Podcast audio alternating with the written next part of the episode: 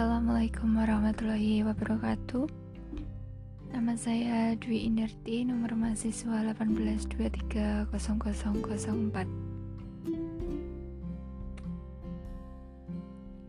Pada pembahasan materi minggu lalu, minggu lalu yaitu tentang implementasi pembangunan ekonomi perdesaan di Indonesia yang di dalamnya membahas tentang ketimpangan pembangunan, prinsip pembangunan ekonomi desa, faktor penentu keberhasilan pembangunan desa, dimensi pembangunan ekonomi desa, implementasi pembangunan ekonomi pedesaan di Indonesia, syarat pembangunan ekonomi pedesaan yang berkesinambungan, permasalahan dalam pembangunan ekonomi pedesaan,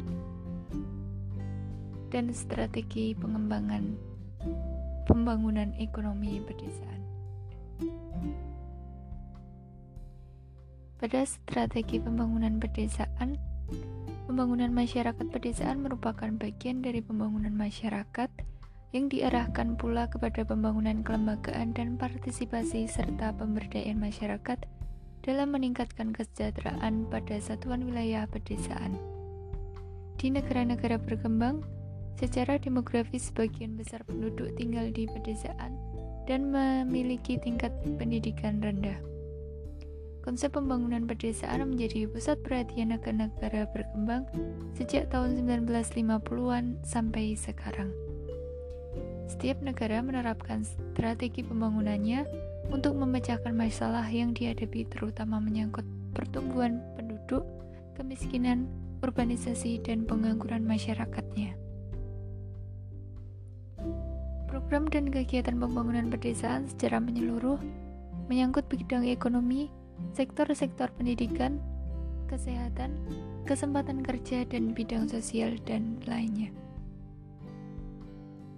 Seperti dalam pembangunan ekonomi pada umumnya, maka dalam mewujudkan tujuan pembangunan pedesaan, terdapat paling sedikit empat jenis strategi, yaitu strategi pembangunan, strategi kesejahteraan, strategi yang responsif terhadap kebutuhan masyarakat, dan strategi terpadu atau strategi, strategi yang menyeluruh.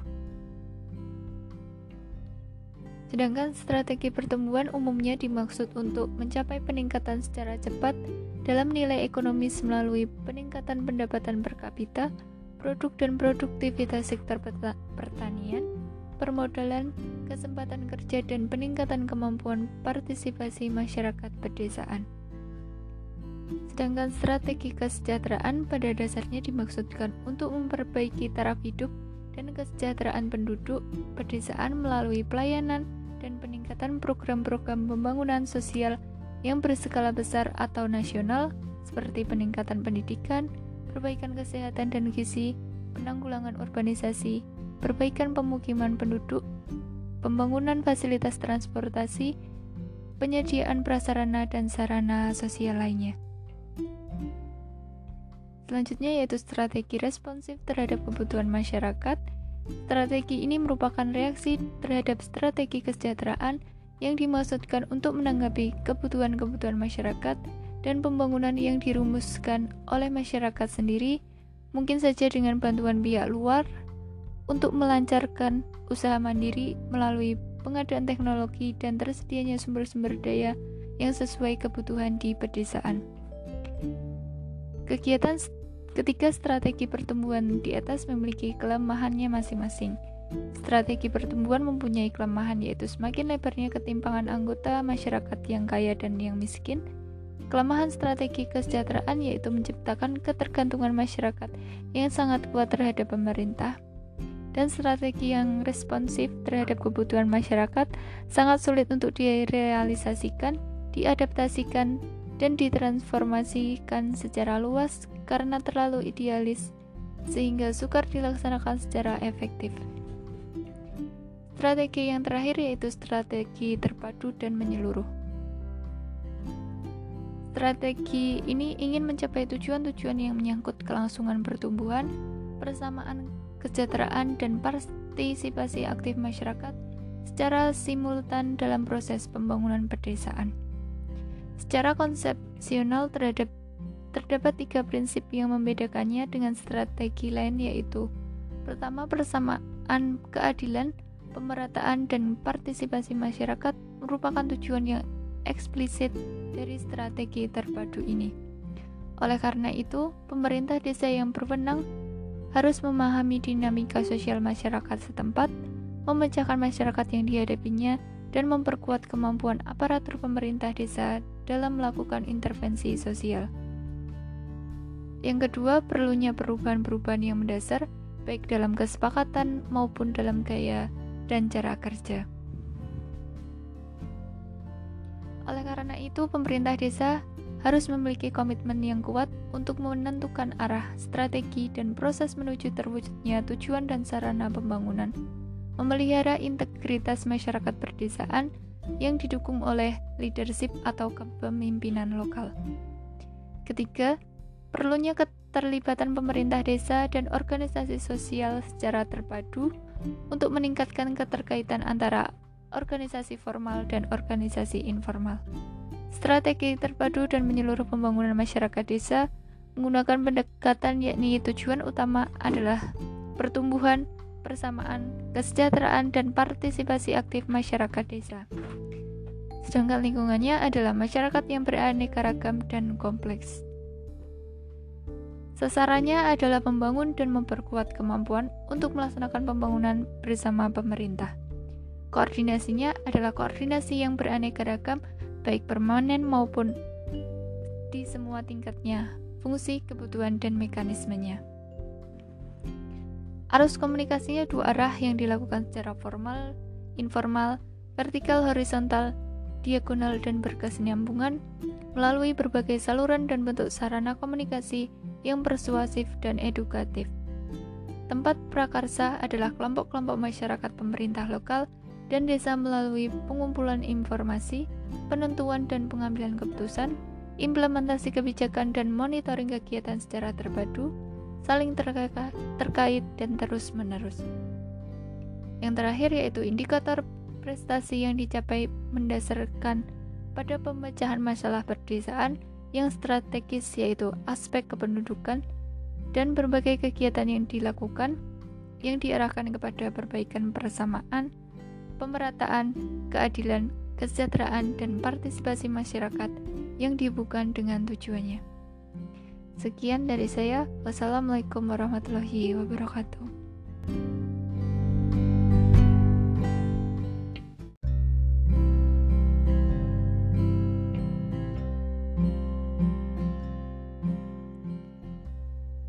Assalamualaikum warahmatullahi wabarakatuh.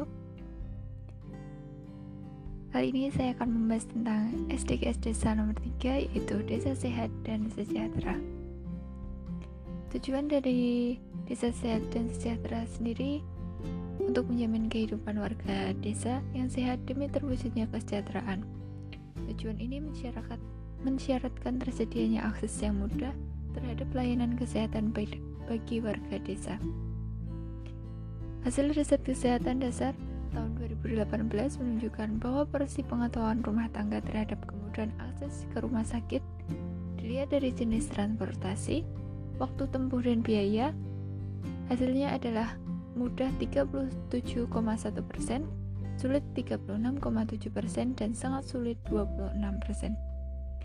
Untuk itulah dalam rangka mencapai tujuan SDGs desa tersebut, pemerintah desa dan supra desa harus menjamin tersedianya akses warga desa terhadap pelayanan kesehatan, terjangkaunya jaminan kesehatan bagi warga desa, menurunnya angka kematian ibu, angka kematian bayi, peningkatan pemberian imunisasi lengkap pada bayi, prevalensi pemakaian kontrasepsi, pengendalian penyakit HIV, AIDS, TBC, obesitas, malaria, kusta, filariasis atau kaki gajah, pengendalian penyalahgunaan penyalahgunaan narkoba, serta menurunnya angka kelahiran pada usia remaja.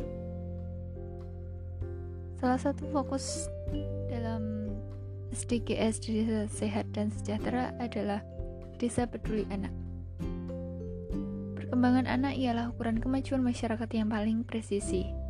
Anak, apalagi yang berumuran berumur setahun dan di bawah lima tahun, sangat rentan terhadap kondisi buruk lingkungan mereka. Karena itu, kesuksesan anak melewati masa hakikatnya menggambarkan keberhasilan masyarakat. Karena manfaat peduli anak baru dirasakan masyarakat belasan tahun kemudian. Layaknya kondisi anak saat ini meramalkan keadaan masyarakatnya kelak. Di sinilah maka keberlanjutan masyarakat menemukan wujudnya, khususnya di desa. Kepedulian terhadap anak terangkum dalam tujuan-tujuan SDGs desa. Arah pembangunan desa ini memastikan terwujudnya desa peduli anak sebagai tekanan agar desa memedulikan masa depannya.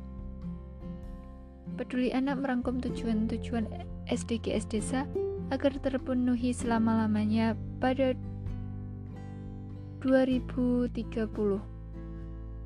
Yang penting dicatat, Sasaran dalam SDGs desa selalu mencakup seluruh anak yang biasa dikenal dengan adagium no one left behind. Sejak lahir, anak-anak harus anak-anak haruslah lepas dari kemiskinan dan kelaparan. Anak-anak juga harus mendapatkan akses fasilitas kesehatan dan pendidikan dan berkualitas. Anak-anak perempuan tidak boleh mengalami diskriminasi di mana pun. Sayangnya masih muncul kondisi memprihatinkan di dunia anak, terutama di desa. Terlebih lagi anak-anak keturunan golongan terbawah menjadi hidup lebih sengsara. Pada 2019, hanya 51,81 persen anak-anak desa tergolong terbawah yang mendapatkan imunisasi lengkap pada umur 1-2 tahun. Di kota juga hanya 53,77 persen anak-anak keluarga miskin yang mendapatkan imunisasi lengkap. Indikator itu menunjukkan kesehatan anak-anak keluarga miskin telah rentan sejak awal kehidupan mereka. Diskriminasi pemberian ASI tidak terjadi karena pada 2019 sebanyak 66,19% bayi laki-laki dan 67,19% bayi perempuan sama-sama mendapatkan ASI eksklusif. Sayangnya, angka yang rendah itu justru mengedepankan masalah asupan gizi di masa awal kehidupan anak. Itu dilanjutkan menjadi 11,4% beduta atau bawah 2 tahun, kurang gizi dan 13,9% balita kurang gizi. Penanda kurang gizi itu terus menguat menjadi balita pendek dan sangat pendek yang mencapai 30% pada 2018. Obesitas bisa jadi masalah gizi baru. Proporsi balita obesitas hanya 1,5% pada 2016 namun obesitas pada bayi satu tahun mencapai 8% pada 2018. Peningkatan prevalensi sejalan dengan peningkatan umur itu, menginformasikan kecenderungan obesitas menjadi masalah baru di masa depan. Meskipun anak-anak desa belum terlepas dari belitan masalah, pembangunan pasca rilis Undang-Undang Nomor 6 Tahun 2014 tentang desa mulai menunjukkan hasil. Yang utama, angka kematian bayi di desa berhasil turun lebih rendah daripada kota. Sepanjang 2012 sampai 2017, angka kematian bayi di desa turun dari 40 per mil menjadi 23 per mil. Padahal di kota hanya turun dari 26 per mil menjadi 24 per mil. Yang lebih menarik, angka kematian non-natal di desa maupun anjlok dari 24 per mil menjadi 15 per mil. Sementara itu di kota justru naik dari 15 per mil menjadi 16 per mil. Angka kematian balita di desa juga turun drastis dari 52 per mil menjadi 33 per mil. Ini juga sudah mendekati kota yang sebenarnya hanya turun dari 34 per mil menjadi 31 per mil. Dalam bidang pendidikan, angka partisipasi murni atau APM sekolah dasar di desa relatif telah serupa dengan kota namun kesenjangan mulai muncul pada jenjang sekolah menengah. Pada 2019, APM sekolah dasar di desa 97%, sedangkan di kota 98,18%. APM sekolah menengah pertama di desa 74,98%, sementara di kota 81,89%. APM sekolah menengah atas di desa 49,6%, padahal di kota 59,3%.